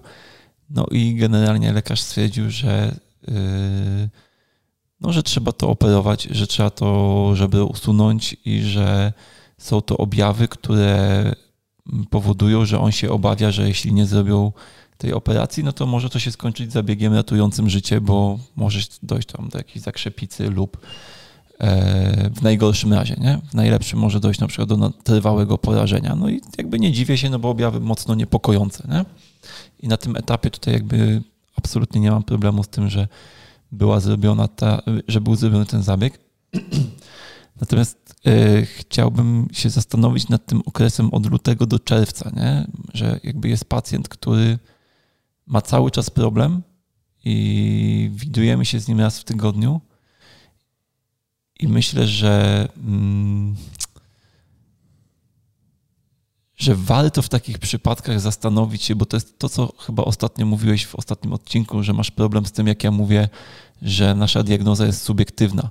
Bo moim zdaniem, znaczy, nie, że masz z tym problem, No, no, no. tylko że, że to jakby Sugeruje. sugeruje, że zwalnia nas z odpowiedzialności, Mhm. a ja właśnie uważam, że, że absolutnie nie, że to, że nasza diagnoza jest subiektywna, e, powoduje, że musimy za nią wziąć całkowitą odpowiedzialność i ja często rozmawiając z pacjentami używam takiego sformułowania, że jakby w terapii musi się coś dziać, że e, oczywiście ja nie twierdzę, że w ciągu dwóch, trzech terapii jestem w stanie wyciągnąć każdy problem, natomiast uważam, że w ciągu dwóch, trzech terapii, tym bardziej, że nie widzę się z pacjentem co drugi dzień, tylko najczęściej raz w tygodniu, w sensie nie częściej niż raz w tygodniu, chyba że to są bardzo, bardzo ostrzy pacjenci, wtedy czasem parę razy w ciągu jednego tygodnia, ale na krótko, ale mniejsza z tym.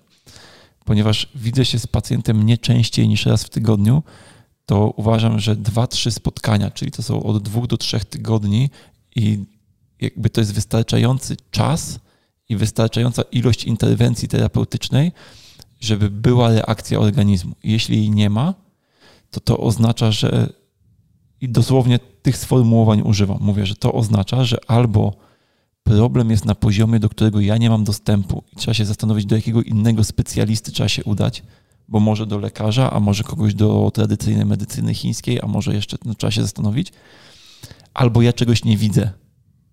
Nie? Więc to nie jest zawsze tak, że zmieniając specjalistę musisz zmienić, że masz iść, że, że nie możesz iść do innego, czy ten pacjent nie może iść do innego fizjoterapeuty, czy do innego osteopaty, bo może właśnie powinien, nie? Może powinien pójść do kogoś, kto spojrzy, wiesz, jakby może ja się zafiksowałem na czymś, może, może po prostu jakby z jakiegoś powodu zacząłem postrzegać tego, jakby problem tego pacjenta przez jakiś pryzmat, z którego nie jestem w stanie wyjść, nie? Yy, No bo odpowiedzialność jest twoja i moim zdaniem sytuacja, w której prowadzisz pacjenta, który cały czas albo nie robi postępów w terapii, albo w kółko wraca z tym samym problemem, jest sytuacją wartą przemyślenia. Nie? I no, to, to jakby nie warto w takiej sytuacji zakładać, że jeśli ja jako fizjoterapeuta nie znalazłem drogi, żeby pomóc temu pacjentowi, to z założenia musi to być inny specjalista, do którego ja muszę odesłać, nie? Czyli, że jeśli ja jako fizjoterapeuta nie pomogłem, no to teraz na przykład zostaje mi tylko i wyłącznie, nie wiem, zabieg, tak? Chirurgiczny. Szczególnie jeśli nie ma się na przykład 60 lat doświadczenia w zawodzie. Nie? Dokładnie. Ale nawet jak się ma, wiesz o co chodzi? Nawet jak się ma i ma się trochę pokory, to wiadomo, że tak, ale no. Mnie no... jakby bardzo otworzyło na takie myślenie. Pamiętam jak y, miałem jakby dużo mniej doświadczenia niż teraz. Nie wiem, czy już studiowałem osteopatię, czy jeszcze nawet nie, pewnie studiowałem już, że jakby zdarzało się, że trafili do mnie pacjenci, którzy byli wcześniej u ludzi, których ja uznawałem za jakby, wiesz, absolutnych guru i w ogóle, wiesz, mieli dużo więcej doświadczenia i, i właśnie już byli osteopatami i tak dalej. I okazywało się, że jakby oni, jakby u nich nie poszło, a u mnie poszło, co jakby zmusiło mnie do takich przemyśleń, że to nie znaczy, że ja jestem takim super terapeutą, e, tylko że każdy się czasem zafiksuje, to po pierwsze, i, może, i, i każdy, każdemu się zdarzy, że czegoś nie zobaczy u pacjenta, bo choćby ma gorszy dzień. To jest raz. E, a dwa, że ja też jestem daleki od tego, że jeżeli ktoś był na dwóch, trzech zabiegach, nie wiem, u Marcela i nie poszło i przychodzi do mnie, to ja mu nagle i, i u mnie poszło, to że to jest super moja zasługa, bo może ten układ już był wstępnie przygotowany i ja jakby dołożyłem tą ostatnią cegiełkę, nie? Więc tak samo jak jakby uważam, że nie powinniśmy się biczować, że nie pomogliśmy. Wiadomo, warto to przemyśleć, natomiast nie, nie warto się biczować.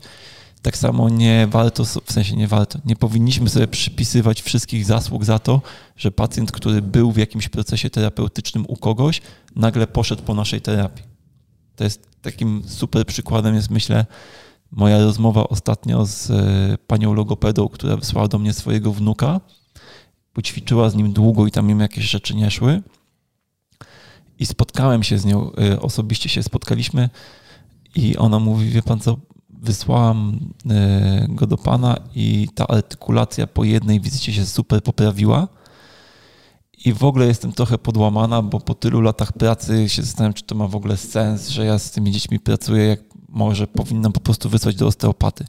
Ja uważam, że to jest jakby bardzo jakby zły kierunek myślenia, bo mhm. moim zdaniem jakby układ tego dziecka był tak już przestymulowany ćwiczeniami, w sensie nie w tym negatywnym sensie przestymulowany, tylko był tak gotowy na przyjęcie, zastymulowany, że ta jedna terapia spowodowała, że to była ta ostatnia kropla, która była potrzebna. Nie? Mhm. Natomiast gdyby wcześniej on nie był stymulowany, to, to jestem przekonany, że moja terapia jakby nie miałaby tak spektakularnego efektu, nie? Dokładnie. To tak jak często też e, wspominasz, e, ostatnio wspominałeś w jakimś poście, nie? że po terapii pacjent lepiej na przykład reaguje na leki, które tak. są mu potrzebne do funkcjonowania, bo udało się jakieś tam procesy usprawnić w ramach terapii. I, i, I, jakby fajnie jest dostrzegać w tym wszystkim, że ta nasza terapia to nie jest jedyny element, który ma pacjentowi pomóc e, w poprawie potencjału jego zdrowia, nie? bo czasem będą pacjenci, którzy potrzebują farmakoterapii, czasem będą pacjenci, którzy potrzebują zabiegu chirurgicznego. Mam wrażenie, że próbujemy się czasem fiksować w takim założeniu, że my jako terapeuci będziemy tym. Alfą i omegą. Jakby, że to my jesteśmy lekiem na całe zło pacjenta. Wiesz, to jest duży grzech wszystkich, moim zdaniem, zawodów medycznych i paramedycznych, że każdy specjalista patrzy przez swoją lupę. No tak. Nie? Czyli... Dobrze, że patrzy przez lupę, tylko jak ma świadomość tego, że patrzy przez lupę. No, no tak, jest... pod warunkiem, że potrafi, wiesz, robić zoom in, zoom out, no, no. czyli jakby patrzysz na problem przez aspekt swojej pracy, ale potrafisz zrobić krok do tyłu i popatrzeć na całe otoczenie tego pacjenta i wszystko, co się dzieje dookoła. Nie? No, dokładnie, dokładnie. Nie, no, każdy z nas pracuje w jakimś takim swoim, nazwijmy to, paradygmacie, czy w modelu i żaden model nie jest lepszy czy gorszy pod warunkiem, że mamy świadomość tego, że to jest model, tak? No, znaczy, wydaje mi się, że łatwiej jest, e, na pewno ciężko jest y, określić dobre Lepszość? modele, Mhm. ale gorsze modele możemy bardzo często No okej, twierdzić. okej. W sensie, mm, no dobra. Nie wiem, czy chcemy iść tą drogą. Dobrze, cofam zdanie, nie ma gorszych czy lepszych. Natomiast y, no, jeśli pracujecie w jakimś modelu, to świadomość tego, że jest to model i ma on swoje dobre i, i ma on swoje mocne i słabe strony, y, stawia was też przed takim no, otwartym, stawia was przed otwartą ścieżką, żeby tego pacjenta mimo wszystko em, widzieć przez pryzmat wielu specjalistów, którzy mogą pomóc, albo zespołu specjalistów, którzy mogą się zaangażować w proces terapii, a nie tylko ta terapia u mnie, bo to na mojej kozetce, to jakby tu się musi wydarzyć, to moje ręce, które Leczą. pacjentowi pomogą, tak, mam tę moc i i wszystko będzie dobrze. Artur ma jakiś dzisiaj inny głos, nie? Słyszysz to? Ja mam inny głos? No. Ostatnio dostałem takiego takiego dzwona na baskecie. Dlatego ci pisałem, że potrzebuję terapii. Dostałem takiego dzwona w żuchwę, że mi prawie zgasło światło i dopiero po y, czasie zdałem sobie sprawę, że mam problemy z przełykaniem, więc nastawiłem sobie, dosłownie, nastawiłem sobie chrząstki krtani, bo Mhm. okazało się, że tą żuchwę mi wywaliło tak, że jak się mięśnie podgnykowe napięły, to pociągnęło mi chrząstki krtani. No i z tym połykaniem jest już trochę lepiej, aczkolwiek na przykład ziewanie jest dla mnie dalej dramat, więc potrzebuję terapii. Tak. I może dlatego głos mi się zmienił faktycznie. ogarniemy. E, Nie obiecuj, nie obiecuj. Jeszcze coś chciałem do tej pacjentki, miałem jakieś takie pytanie. A, jakie ona ma teraz objawy po tym wycięciu żebra? A, je, jeszcze jedno, zanim mi na to odpowiesz. No. Czy ona przed tymi tańcami robiła też jakiś wysiłek fizyczny ogólnie? W sensie, czy Była aktywna? była tak aktywna fizycznie, no? Mocno? Wiesz co, nie dopytałem jak mocno. Natomiast Okej. jest jakby aktywną osobą. Jest aktywną taką, osobą, była tak. aktywną osobą. tak. Okej. No bo E, tos naczyniowy jest dużo częściej właśnie u młodych osób e, takich bardzo aktywnie fizycznie, bardzo aktywnych fizycznie, po, z powtarzającymi się obciążeniami, nie? Bo tos naczyniowy jest generalnie rzadszy niż nerwowy, natomiast częstszy w grupie pacjentów młodych. Ten nerwowy jest częstszy u pacjentów już w wieku powiedzmy A jest E, też taka korelacja, że ten tos naczyniowy jest częściej rzeczywiście strukturalny? e, Bo ja bym tak nie. założył właściwie. Nie, jest. y, Są, ja ostatnio robiłem webinar na ten temat, więc w badaniach dość mocno siedziałem. Wśród populacji osób, które mają na przykład dodatkowe żebro szyjne, czy żebra szyjne, bo to zazwyczaj jest obustronnie, jeśli już występuje, to badania pokazują, że między 10 a 15% to są osoby objawowe w tej populacji. Nie, nie, nie o to mi chodzi. Chodzi mi o to, czy, czy e, tos naczyniowy Mhm. częściej musi być powiedzmy operowany niż tos taki, e, czy to wiesz, czy to gdzieś widziałeś? Tak, to w tym sensie tak. Tak, no, Mhm. no tak bym Tak. się spodziewał tego właśnie. Tak, tak, tak. To tosy naczyniowe są częściej operowane. To jest około, w przypadku tętniczego tosu około 2% przypadków. I to są głównie osoby młode, z tym, że mm, predyspozycja jest większa wśród facetów ze względu na to, że no oni, mm, jeśli chodzi o hipertrofię i jakieś takie rzeczy mm, treningowo dojeżdżające, no dojeżdżają się jednak bardziej Mhm, niż panie. Nie? E, jeżeli chodzi Czy o... ona jest szczuplutka, taka Tak. wątła? Okej. Nie, wątłą bym ją nie nazwał, ale jest szczupłą osobą. Okej. Taką wysportowaną właśnie. Natomiast mm, objawy po zabiegu są... Mhm. Ona jest krótko po zabiegu, w sensie krótko, 5 tygodni, więc jest jeszcze, jest jeszcze powiedzmy w fazie gojenia. Em, objawy są takie, że musi kontrolować trochę bark, bo jeżeli się całkiem rozluźni i ten bark opadnie, to ona ma wrażenie, że on opada mocno. Jak ja ją oglądałem, to ja nie widzę tego silnego opadania, więc jest to jakby taka, no, jej postrzeganie trochę tego, w sensie musi być takie odczucie widocznie, że on jest dużo niżej, bo ona ma wrażenie, że ten bark jest wtedy zdecydowanie niżej niż drugi, natomiast ja tego nie widzę, żeby on był tak zdecydowanie niżej. Moim zdaniem to jest na granicy normy, jeżeli chodzi o różnicę wysokości. E, I w takiej rozluźnionej pozycji zaczyna czuć takie lekkie drętwienie jakby w okolicy samego jakby barku dołu nadobojczykowego. Nie? Coś do ręki idzie, czy nie? Nie, w dół nie idzie. I, no i ma bliznę pięciotygodniową, która lekko trzyma, nie ma pełnego zakresu jeszcze w stawie ramiennym, także to są takie rzeczy, które teraz będą, że tak powiem, w intensywnej terapii, nie? Czyli uruchomienie tej blizny i odzyskanie pełnego zakresu i, i zobaczymy, jak to będzie szło. Okej, okay, okej. Okay. Idziemy do puenty y, tego, tej części głównej? Tak. Tak? Tak.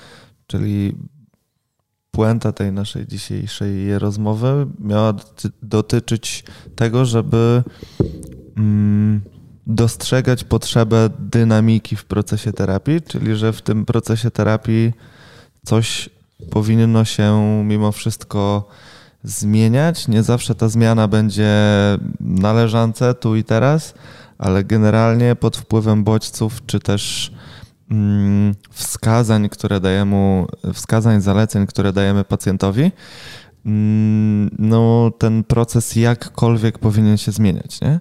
Jeśli pacjent nie reaguje na terapię, to tak jak Kuba powiedział, albo jesteśmy w złym miejscu, albo problem leży um, poza naszymi kompetencjami. Ja mam też takie powiedzonko swoje trochę, że jeśli terapia mm, nie wygenerowała żadnego efektu, to trochę tak jakby jej nie było, nie? Mhm. Czyli e, zazwyczaj spodziewam się, że pacjent nawet jeśli zareaguje w pierwszych dniach jakąś e, taką subiektywnie negatywną reakcją pozabiegową, to jest to dla mnie też odpowiedź, że ten system jest reaktywny i on reaguje, tak? Tylko być może potrzebuje więcej czasu, żeby ten bodziec, żeby do tego bodźca terapeutycznego się zaadaptować. Być może potrzebuje mm, nieco mniejszej intensywności tego bodźca,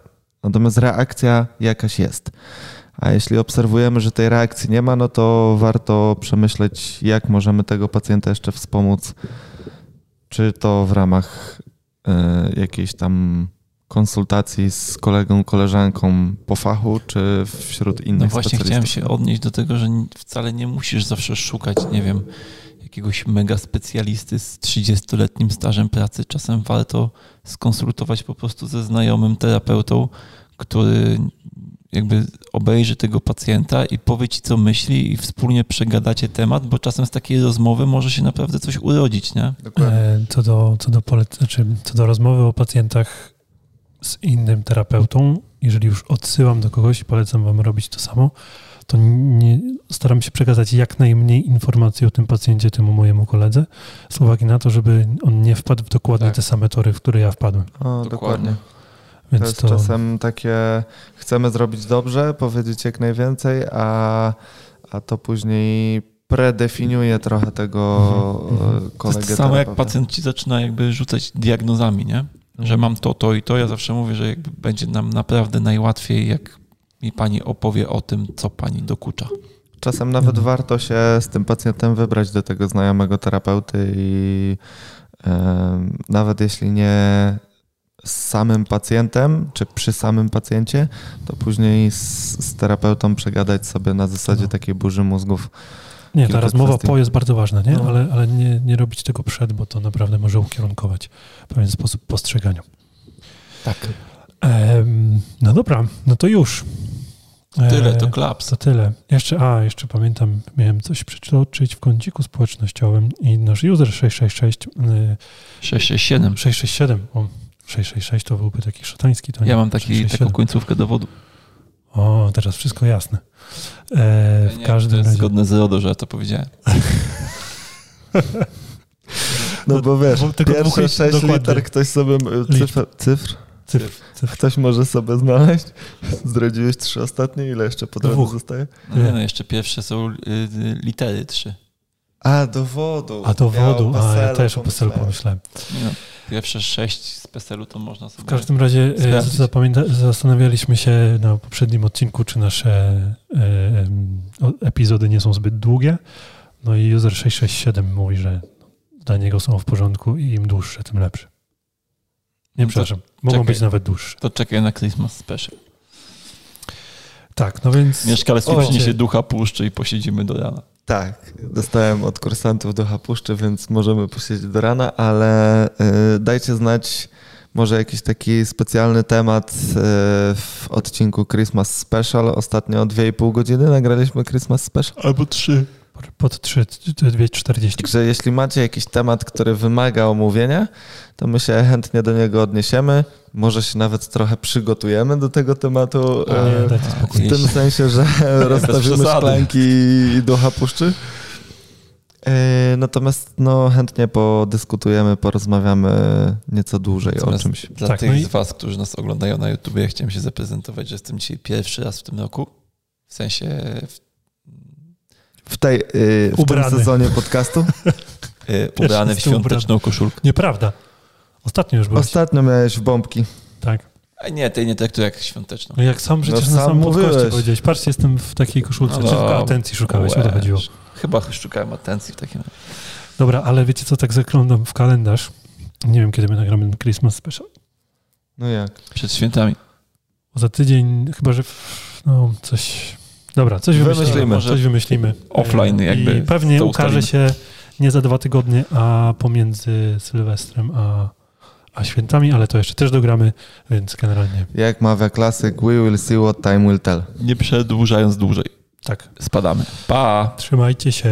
Pa!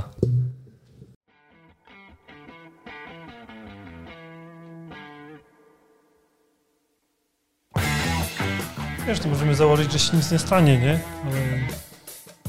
Raz nagrywaliśmy, drugi raz.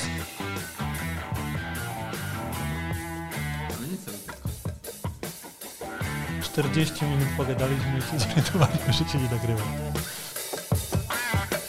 Że musimy taką tradycję zrobić, podtrzymać. Dobrze.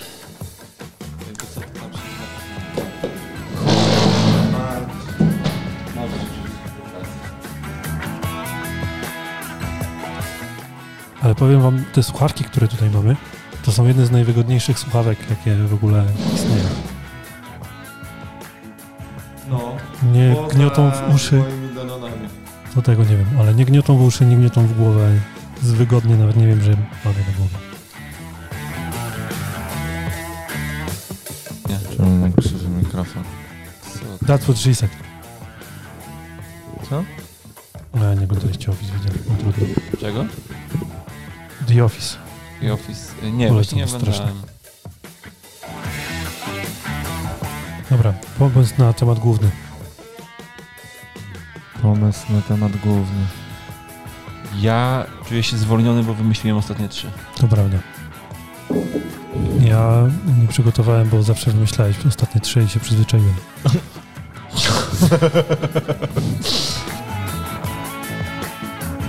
Ale fajnie, jest duży ten y, Fold. Będzie Fold. Transit. Custom Kombi. Transit Custom Kombi. Tak się nazywa. Super.